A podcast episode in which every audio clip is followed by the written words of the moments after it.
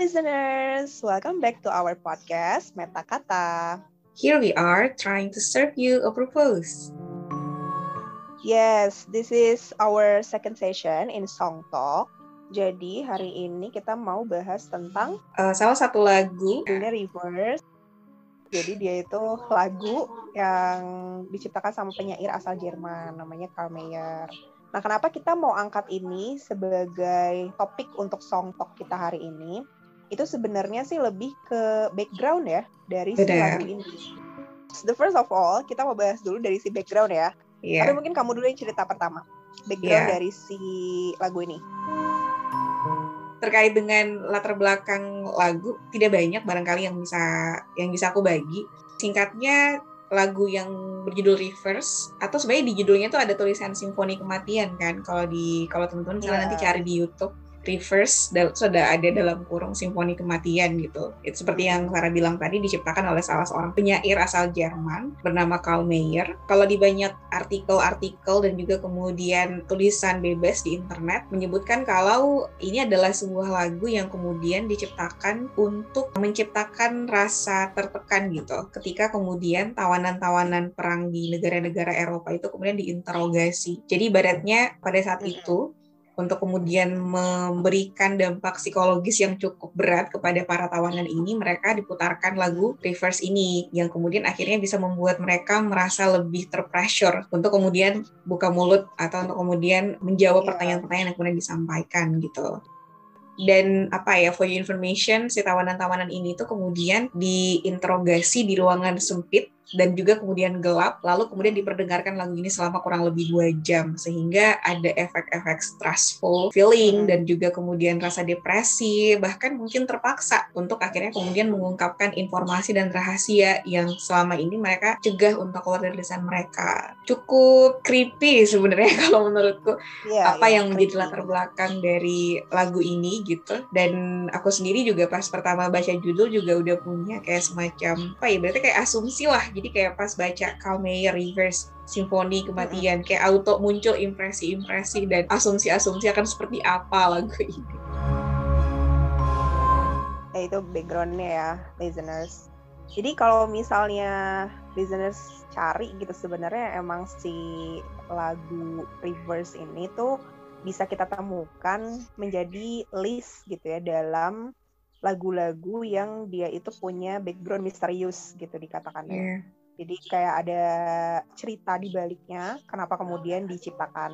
Tapi sebenarnya ada juga loh Beb kayak artikel yang dia tuh bilang sebenarnya mm. itu tuh ya masih pro dan kontra. Jadi ada yang bilang bahwa itu sebenarnya nggak bener cerita tentang bahwa si lagu ini memang diciptakan untuk memberikan efek stres dan depresi pada hmm. para tawanan perang kayak gitu. Ada juga yang bilang kayak gitu. Jadi ya pada dasarnya sebenarnya itu masih pro dan kontra karena kan gitu itu ya? juga berarti terjadinya tahun 19 berapa gitu ya yang perang-perang masa perang-perang Eropa tuh kan oke okay lah misalnya let's say itu perang dunia kan perang-perang hmm. Eropa tuh kan ya masuknya kayak perang dunia atau misalnya dulu waktu zamannya Holocaust ya mungkin yeah. listeners juga tahu gitu itu itu kan berarti cukup lama ya beberapa dekade lalu gitu loh. Jadi ya kita juga nggak bisa benar-benar memastikan itu. Jadi memang ada pro dan kontra juga sih di balik itu.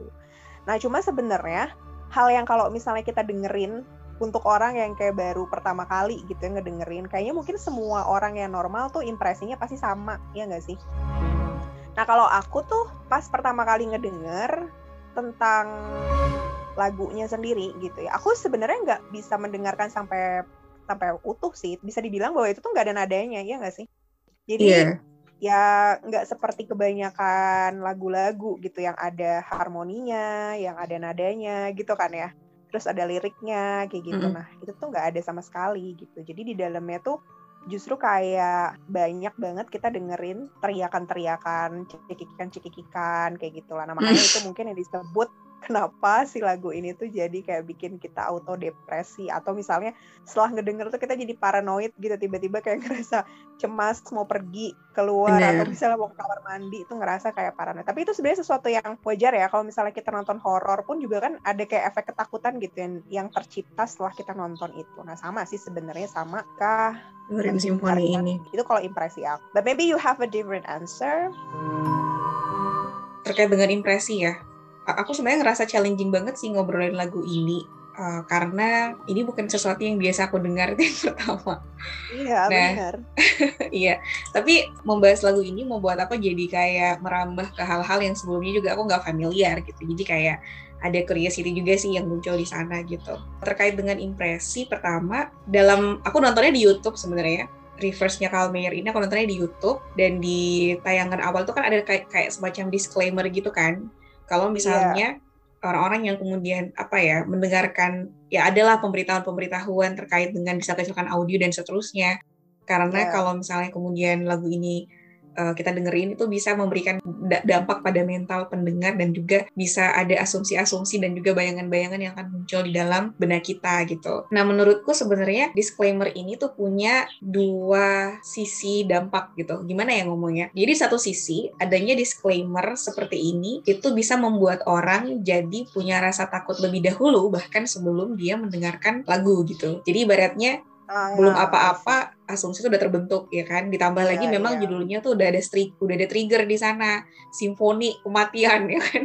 Jadi itu tuh menstimulasi rasa ingin tahu seseorang. Di saat yang sama juga sebenarnya orang akan semacam punya asumsi kayak oh oke okay, ini adalah lagu yang sepertinya akan menakutkan gitu. Ya tapi namanya manusia ya manusia tuh kan dia punya curiosity gitu lah. Dan kalau orang-orang scientific tuh bilang hmm. curiosity inilah yang akhirnya kemudian mengantarkan manusia untuk melakukan penelitian, eksplorasi hmm. dan seterusnya gitu sehingga sesuatu yang kemudian tidak terlihat malah terasa menjadi lebih menarik gitu. Nah, yeah, jadi yeah. apa-apa yang kemudian itu satu bikin penasaran, yang kedua itu belum pernah kita ketahui sebelumnya, itu membentuk semacam trigger gitu, membentuk semacam penol pendorong untuk malah justru ngedengerin simfoni kematian ini gitu. Tapi tadi sih disclaimer sama judul tuh sebenarnya somehow uh, membentuk persepsi juga bahkan sebelum kemudian si orang yang bersangkutan ini uh, ngedengerin gitu. Nah, tetapi yeah. di sisi lain gitu kan hal yang sebaliknya juga bisa terjadi. Artinya bahwa orang-orang yang kemudian ngedengerin reverse-nya Carl Mayer ini ketika ngebaca disclaimer atau ketika ngelihat judul berupa simfoni kematian tadi itu gitu malah justru hmm. punya semacam tendensi oh aku bakal mengalahkan gitu kan lagu ini kayak dalam arti aku nggak akan merasa takut seperti apa yang kemudian itu diberikan pada disclaimer gitu jadi kayak mereka tuh udah masang hmm. mental duluan gitu loh jadi kayak yeah. I I won't fall into the trap atau into the effect gitu nah sehingga kemudian akhirnya hmm. uh, ada semacam penguatan diri gitu kayak aku harus kuat-kuatin gitu ngedenger ini kan cuma ada dua kemungkinan itu gitu. Ada yang kemudian dia takut duluan ada yang kemudian udah pasang mental duluan. Jadi kayak oh oke okay, I won't fall in this trap kayak gitu. Itu itu dari sisi bagaimana aku melihat si video ini dan juga kemudian ngelihat ada judul dan juga disclaimernya kayak gitu pertama sih kayak misalnya ini ya kalau yang aku sih yang paling sering aku rasakan terutama mm -hmm. ketika dulu aku sering terexposure dengan berbagai macam penelitian penelitian eksperimen gitu kan mm -hmm. jadi ketika orang mau dimasukin menjadi kelompok eksperimen ya gitu itu kadang kala juga sebenarnya kan muncul kayak ketegangan tersendiri gitu ya Bener. jadi kita sebenarnya tuh mau mengukur misalnya yang kita ukur tuh adalah si hubungan di antara hal yang menjadi manipulasinya dengan apa sih efeknya. Kalau misalnya kita ngasih manipulasi tertentu gitu misalnya kita kasih dia tuh pekerjaan ataupun soal matematika gitu ya yang mau kita lihat tuh adalah si stresnya. Tapi itu kadang-kala ketika misalnya si partisipannya masuk ke dalam ruangan eksperimen aja tuh mereka udah ngerasa stres dulu karena iya, mungkin bener, bener. di depannya tuh kan di depannya udah kayak selamat datang misalnya. Dengan melihat itu aja tuh kayak suasananya iya nggak sih? Udah mencekam lebih dahulu gitu ya udah mencekam gitu terus misalnya apalagi di dalamnya itu cuman ada beberapa orang atau mungkin cuma dia sendiri jadi kayak berasa memang bener-bener kondisi itu tuh mendukung gitu untuk muncul adanya stres yang normal gitu yang terjadi hmm. ketika manusia tuh memang berada dalam situasi yang gak nyaman gitu yeah. jadi bisa jadi si stresnya itu muncul tuh bukan karena dia ngerjain soal matematika yeah. tapi karena uh -uh. dia tuh berada dalam kondisi yang memang dia nggak nyaman gitu dia udah tersugesti itu. dan terbentuk iya asumsi dia udah gitu. tersugesti gitu. dan akhirnya dia punya persepsi yang berbeda hmm. misalnya terus dia mungkin jadi nggak fokus kan ngerjainnya padahal dia mungkin bisa dapat skor yang lebih tinggi misalnya tapi jatuhnya jadinya skornya tuh rendah hanya karena hmm. sebenarnya dia nggak bisa mengontrol emosinya ketika dia mengerjakan soal itu itu misalnya hmm. ya iya, nah jadi memang bener sih kalau kamu bilang tentang yang disclaimer gitu justru ada dua hal ya ketika kemudian orang jadinya tersugesti untuk kemudian jadi menciptakan rasa takutnya sendiri gitu ya dan juga ketika kemudian disclaimer tadi itu membawa orang lain pada keingintahuan yang lebih besar gitu. Atau mm -hmm. kalau misalnya orang bilang kayak jangan dibuka, itu kan kayak orang jadi lebih penasaran ya. Benar-benar. Jadi pengen buka gitu kan pada That's how our brain works. Uh -uh, kayak gitu. Jadi emang uh, sometimes mungkin kita juga nggak bisa memprediksi ya bagaimana kemudian pemikiran kita ini mau mengarah mm -hmm. ke mana gitu kan. Tapi itu sebenarnya unik sih. Menurut aku itu hal yang unik dan mungkin perlu latihan juga ya ketika orang mungkin udah mulai terbiasa dengan situasi itu. Nah, kalau misalnya tadi kan kamu bilang tentang si curiosity kan, kalau ketika ya kamu membahasakannya dengan istilah challenging ya, Jadi si lagu ini tuh membuat kamu tuh kayak men-challenge diri kamu untuk mungkin yeah. informasi yang lain gitu behind the story of mm-hmm. this song misalnya. Nah aku pun juga sama sih banyak hal-hal yang aku tuh pada akhirnya kayak pengen tahu lebih ya mungkin antara aku dan kamu juga pasti beda kan apa yang kamu antara jadi kau dan aku dari kenapa kenapa kemudian berbeda kayak gitu kan tapi aku menyorotinya dari sisi ini sih dari sisi sosial juga gitu ya. Mm-hmm. Terus juga dari sisi si psikologisnya juga gitu. But maybe you want to share first? Mm-hmm. Ya terkait dengan uh, bagaimana kemudian lagu ini itu kan seperti yang kita cerita di awal tadi ya Beb ya digunakan untuk menginterogasi tawanan-tawanan perang di negara di negara-negara Eropa untuk membuat mereka tuh buka mulut ada beberapa review yang kemudian ditulis oleh para blogger gitu dan beberapa kemudian website-website tertentu terkait dengan bagaimana mereka melihat lagu dari Reverse atau lagu dari Carl, Mayer ini gitu. Jadi ada yang bilang katanya buat aku biasa aja sih. Katanya kan ada kata-kata bahwa lagu ini akan menyebabkan depresi dan juga stres pada orang yang mendengarkan yeah. gitu. Ada juga yang bilang katanya bakal bikin gila gitu dan seterusnya. Itu kan kayak sesuatu yang bener-bener nge-trigger banget kayak oh kayak gimana nih lagu yang bisa bikin gila ya kan kayak gitu. Meskipun juga mungkin orang yang ngedengerin gak tertarik untuk menjadi gila, tapi at least itu berhasil untuk memantik rasa ingin tahu gitu. Iya yeah, benar-benar. Nah, terus kan ternyata ketika mereka ngedengerin terus ada juga sih salah satu artikel yang aku baca yang kamu kirimin itu ada yang bilang katanya aku juga nyuruh teman-temanku denger ada yang biasa aja ada yang emang ngerasa takut pas pertama denger tuh langsung kayak nggak pengen denger lagi gitu. Emang responnya berbeda-beda ya. gitu. Tapi secara umum si penulis itu kayak ngasih kesimpulan kalau misalnya ya lagu ini nggak begitu signifikan. Jadi kalau misalnya bisa menyebabkan depresi dan juga kemudian kegilaan tuh hoax kayak gitu. Nah aku punya komentar sih terkait dengan ini. Pertama yang kita harus ingat bahwa lagu itu digunakan untuk menginterogasi tawanan gitu kan di sebuah ruangan sempit dalam kondisi perang gitu loh. Artinya kan suasana perang itu adalah suasana yang sangat menekan psikologis uh, seseorang bukan suasana yeah. yang kayak biasa-biasa aja gitu loh jadi menurut aku tuh kenapa sampai kemudian lagu ini tuh memang akhirnya cukup signifikan dampaknya buat para tawanan bukan semata karena memang di dalamnya itu ada noise pollution atau misalnya suara teriakan dan histeris dan sejenisnya tetapi lebih daripada itu ada supportive condition yang ada di sana sehingga menyebabkan kerja daripada lagu itu jauh lebih besar dan maksimal gitu hmm. artinya kalau misalnya lagu ini didengerin sama orang yang lagi you know like laying down on the bed like having like yeah, chilling yeah. out kayak gitu terus habis itu sambil menikmati dan menyeruput secangkir kopi. Ya tentu akan berbeda lah dampaknya ya kan? Jadi nggak apple to apple. Akhirnya ketika kemudian kita ngasih review ah enggak mah ini nggak menakutkan. Gitu aku nggak takut gitu ya. Kamu mungkin dengerin lagu ini lagi di pinggir pantai kemarin habis terima gaji banyak ya kan? No nggak ada beban gitu. Jadi kayak ya yeah, udahlah yeah. ya. Mungkin malah kamu ngerasa bahagia bahagia aja ngedengerin simfoni kematiannya si Carl Mayer ini gitu. Jadi menurut aku supported condition itu akhirnya memang yang menyebabkan seseorang itu punya respon gitu loh sama si lagu ini gitu. Jadi bisa jadi benar bahwa reverse-nya Carl Mayer ini memang bisa membuat orang tuh jadi feel depressed dan kemudian mereka stres hmm. sehingga akhirnya ya udah aku kasih tahu nih ini rahasia daripada pasukanku misalnya kayak gitu gitu.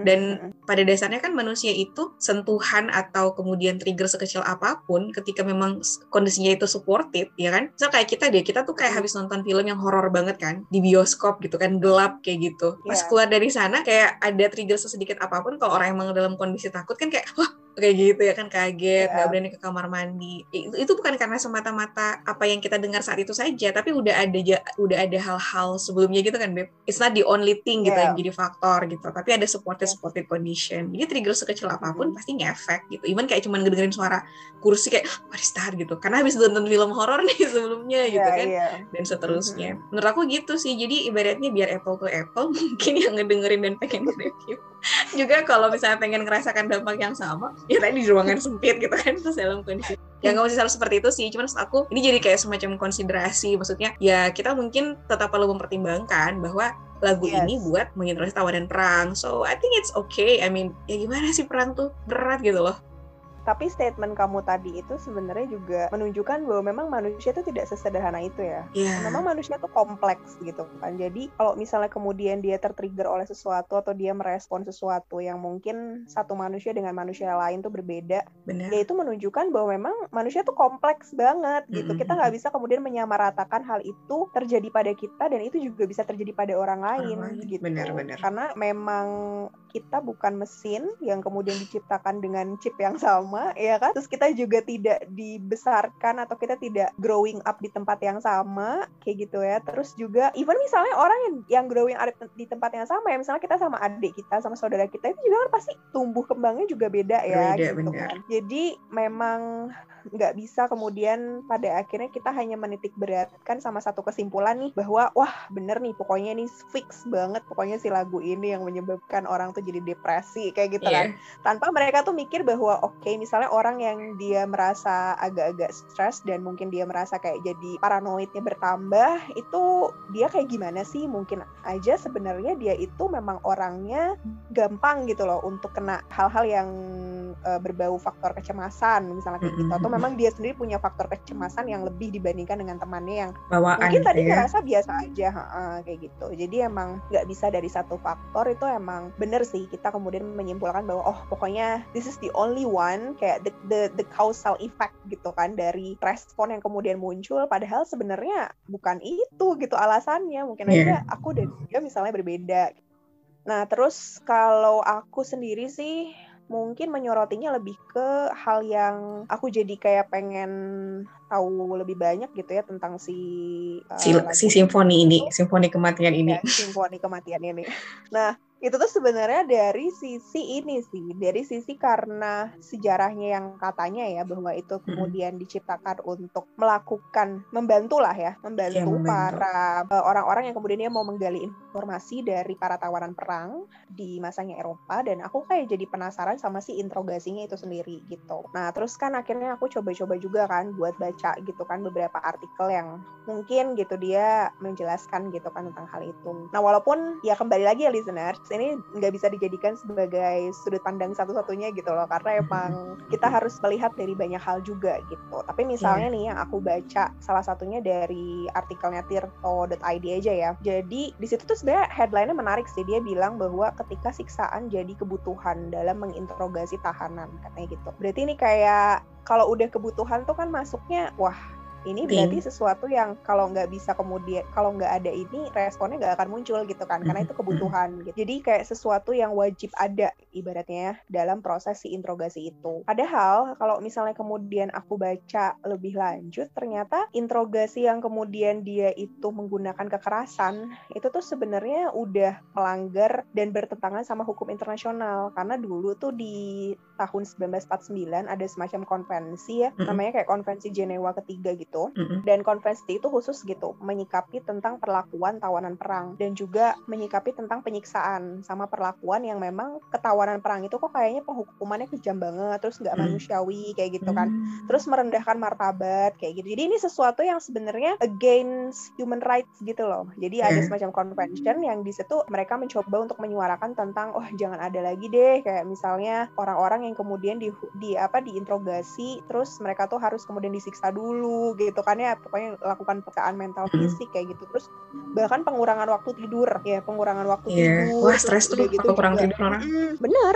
dan mungkin aja itu sengaja juga kan Mm-mm. diciptakan orang. Makanya kamu sering gak sih ngedengar kayak ada orang-orang yang dia pada akhirnya spoken out dengan sesuatu yang sebenarnya nggak pernah mereka lakukan. Terus ada juga waterboarding ya namanya. Jadi waterboarding ini kayak mengikat tangan sama kaki gitu, terus ditutup kepala dengan kain kayak gitu, terus dituangin air. Ada juga yang misalnya dia pakai apa tuh namanya listrik ya. Aku tuh Hmm. sering ngeliat juga sih. Kayak juga. kursi Nah, listrik gitu namanya ya? Oh. Nah itu namanya torture me- memo. Torture Hmm. memo yang torture memo ini dikenal katanya sih setelah hadirnya satu set memorandum legal. Jadi ada salah seorang profesor hukum gitu di, Hmm. di- dari Amerika Serikat dan dia mencoba untuk menggali gitu loh tentang masalah ini. Terus udah gitu juga maksudnya nanti tuh rekomendasinya lebih ke arah gimana kemudian si interogasi itu bisa tetap sesuai dengan tujuan tapi tanpa kemudian juga mereka nggak mengabaikan nilai-nilai yang harus ada gitu dalam kemanusiaan itu sendiri gitu yang harus diwujudkan juga. Karena kan para tawanan juga kan sebenarnya adalah oh, manusia juga kan gitu ya emang perlu juga gitu untuk kemudian dikasih lakukan sebagaimana manusia. Mm-mm, jadi diperlakukan sebagaimana manusia itu yang nggak kemudian terlihat. Dan kalau misalnya di zaman sekarang juga itu sih sebenarnya. Ya, mungkin nilai-nilai politiknya juga ada atau mungkin juga nilai sosialnya. Karena misalnya ya oke okay, misalnya sorry kita misalnya katakan di sini kalau di yang artikel yang aku baca itu misalnya Amerika Serikat nih ketika dia butuh informasi gitu ya tentang teroris kayak gitu kan. Terus udah gitu dia menjadikan klaim gitu kan untuk bisa melakukan uh, interogasi supaya dia dapat informasi yang banyak. Karena memang dia pada saat itu ngerasa kayak oh ini nih emang mendesak banget nih gitu. Misalnya kayak mencegah serangan Al-Qaeda katanya gitu yeah. dan tuduhan terhadap pelanggaran HAM itu jadi pada akhirnya tuh terhindarkan gitu karena dengan adanya klaim bahwasanya aku tuh melakukan ini karena memang ada sesuatu yang genting gitu ibaratnya. Nah, itu yang kemudian menciptakan pro dan kontra juga karena justru kebanyakan besar dari interogasi-interogasi yang kemudian dia itu melibatkan serangan-serangan fisik ya sama mental kayak gini itu justru terjadi setelah tahun 2002 ya. Jadi banyak juga gitu yang dilakukan sama negara-negara adidaya ya khususnya kayak misalnya Amerika Serikat terus ya proses interogasinya biasa dilakukan sama CIA lah sebagai badan intelijennya Amerika. Itu kalau berdasarkan laporan Amnesty Internasional aja tuh 13.000 orang misalnya dibunuh di dalam penjara di Suriah. Kita sendiri sebenarnya sebagai ya maksudnya masyarakat sipil tuh juga punya kebebasan juga kan sebenarnya untuk berpikir lebih kritis lagi untuk melihat sudut pandang yang lain gitu loh dari permasalahan berbagai macam gitu. peristiwa. Jadi bercermin dari apa yang kemudian pernah terjadi di masa sebelumnya gitu. Barangkali ini bisa menjadi salah satu pertimbangan juga sekaligus data ya gitu bagi orang-orang yang kemudian berkecimpung di bidang ini terkait dengan seberapa hmm. besar dampak pemberian apa ya beratnya kondisi gitu atau treatment hmm. kepada si tawanan dalam rangka membuat mereka jadi buka mulut dan bagaimana kemudian ketika dia dihubungkan dengan human right artinya bahwa mengetahui apa yang menjadi latar belakang daripada simfoni kematiannya Karl Mayer ini membuat kita juga akhirnya bersentuhan dengan ya suatu pembahasan yang ibaratnya itu jauh lebih dalam dan jauh lebih hmm. membutuhkan keseriusan gitu untuk kemudian yeah. memikirkannya gitu. Oke, okay, listener, itu tadi song talk kita. Hari ini song talknya cukup particular, tapi sangat menarik mm -hmm. sekali ngebahas terkait dengan reverse dari Carl Mayer ini. Uh, barangkali listener juga setelah ngedengerin podcast tentang song talk uh, reverse ini tertarik untuk kemudian membaca lebih jauh lagi terkait dengan bagaimana kemudian uh, lagu ini sampai diciptakan, termasuk misalnya hal-hal yang ada di balik lagu ini gitu. So yeah. we'll see you again on the next podcast. Yes, uh, don't forget to subscribe our podcast too. Dan yeah. kita akan kembali lagi di pekan depan yeah. dengan sesi-sesi dari podcast kita yang lainnya. Jadi yeah, betul jangan banget. ya listeners. Ya, yeah. bye okay. listener. Bye.